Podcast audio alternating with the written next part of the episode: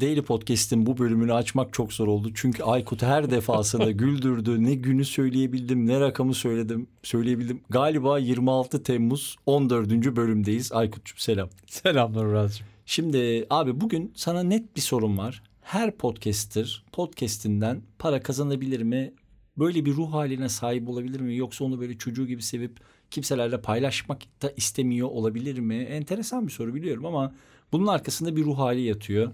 Yayınını kimselere verememe, yayınını hiçbir markayı layık görememe, benim markama, benim podcast'ime bu marka olur mu diye çok düşünme. Ama ondan sonra da mesela podcast'imden para kazanamıyorum diye türlü türlü ortamlarda yakınma. Al sana nefis bir soru seti attım. Dalga geçiyordum podcast'i açarken. İnşallah şimdi ağzından bir şey yanlış çıkar ben de editte düzeltmem. Ne güzel. Ee, bu soruyu yanıtlarken bağımsız yayıncı Aykut olarak mı yoksa bir podcast ağ ve üretim ağ sahibi Aykut Arada bir ton tuttur. Biz hiçbir zaman politik doğruculuk yapmadık ama yani günün sonunda insanlar şunu görsün. Ee, hepimizin yayını gerçekten kıymetli. Bak bugün hala ha geldi ha geleceği anlatırken bir sürü şey aklına geliyor. Podfresh Daily'den bahsederken aklımıza dünya kadar ha- hatıra geliyor. Anlıyorum yayıncıların yayınlarının içerisini çok fazla tırnak içinde doldurmak istememesini. Ama günün sonunda para da kazanmak istiyorlar. Biz de istiyoruz. Herkes istiyor. Bu nasıl bir ilişki? Bu ne yaman çelişki? Ne güzel Aykut? oldu. Aynen Aldım öyle. topu. Ee, bence olay şununla alakalı. Evet herkesin içeriği kendine güzel. Bu şey gibi. Herkesin çocuğu kendine e, güzeldir kafası var ya. Ee, evet yani belli yollardan geçerek bir yayın yapıyoruz ama ana tema ana problem bence şu. Ee, insanlar podcast yayınlarını oluştururken bunun bir gün gelir modeline evrilmesi gerektiğini düşünerek ve planlayarak hareket etmiyorlar. Ve daha sonra bu işi yapmak gittikçe zorlaşmaya ve daha fazla efor, emek, bilgi ve beyin ihtiyacına e, süründürmeye başlıyor sizi. Sonra bir fark ediyorsunuz ki ya ben e, günlük zamanımın çok önemli bir kısmını buraya emek ve bilgi olarak veriyorum ve ben buradan hiçbir şey almıyorum. Niye? E, o niye sorusu geldiğinde de geriye dönük bütün bu yayınların arasına bir markayı yerleştirebilmek, o markayla birlikte çalışabilmek, o pratiği kazanabilmek oldukça zor ve meşakkatli geliyor yayıncılara. Ve de açıkçası bence zorlanıyorlar. E, yani aslında gelir kazanmıyorum, kazanamıyorum derken ki ana soru bence ben yayınıma bir markayı nasıl entegre etmem gerektiğini bilmiyorum ve dolayısıyla yapmamayı tercih ediyorum gibi e, çevriliyor benim kafamda.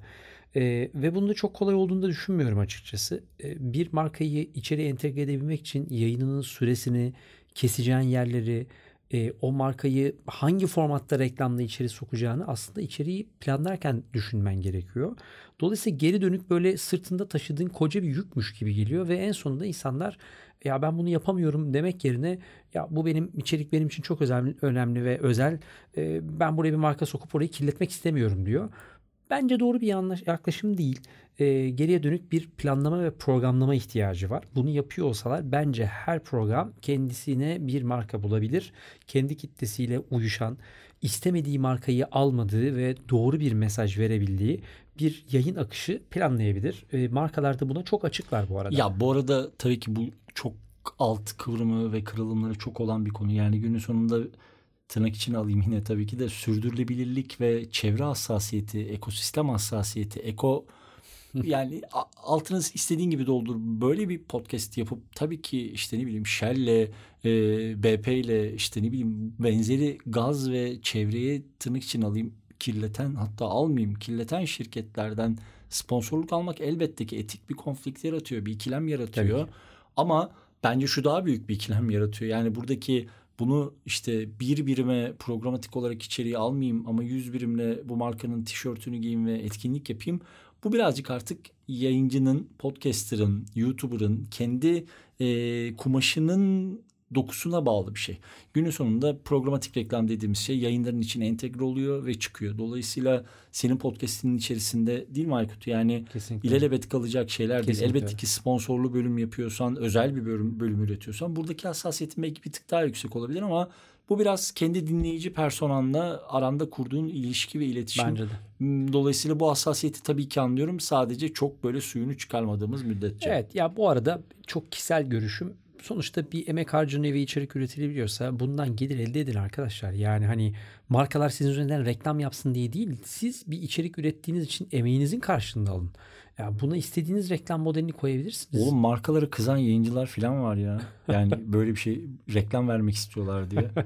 Bir gün söylesinler bakalım ne yapacak diyor mesela. Yani ne şu- yapabilir ki yani? yani? mesela Coca-Cola senin yayınınla, YouTube'unla, podcast'inle ne yapacak olabilir? Milyonlarca yayına çıkıyor. Yani mesela Coca-Cola'nın merkezinde gerçekten 750 dinlenmiş podcast'inle ilgili ayrı bir toplantı yapıldığını mı düşünüyorsun? Abi al ve devam et. Al ve kitleni büyüt. Yani zaten o podcast'in dinlenme rakamı senin hayatında maddi çok büyük bir rahatlık sağlamayacak sana ama yani yarın öbür gün yayınınla ilgili bir yerde yayınını anlatırken şunu söylemek güzel değil mi ya? Ne bileyim abi 4 ay önce başladım podcast yapmaya. Valla ne bileyim işte iki tane koladan reklam geldi. Abi, muazzam güzel bir şey ve bir başarı. Tabii ki. Bence yani ki. ben bağımsız Tabii bir yayıncı olsam bundan çok büyük bir motivasyon yaratırdım kendime. Yayınıma Coca-Cola geldi. Yani şimdi Coca-Cola değil ne bileyim abi işte Samsung geldi. AKG geldi. O geldi bu geldi fark etmez ama yayını marka buna değer görüyor. Bence bu güzel bir şey. Tabii. O şey modundan çıkmak lazım. Tırnakları biraz içeri kapamak lazım. Bence de öyle. Zaten içerikten gelir elde etmenin çok da kolay olmadığı bir ülkedeyiz. Hani TL bazında ödenen ücretlerin doğru. nispeten daha düşük olduğu, İngilizce içeriğe yatırımın daha fazla olduğu bir dünyada bu sadece bizim için geçerli değil.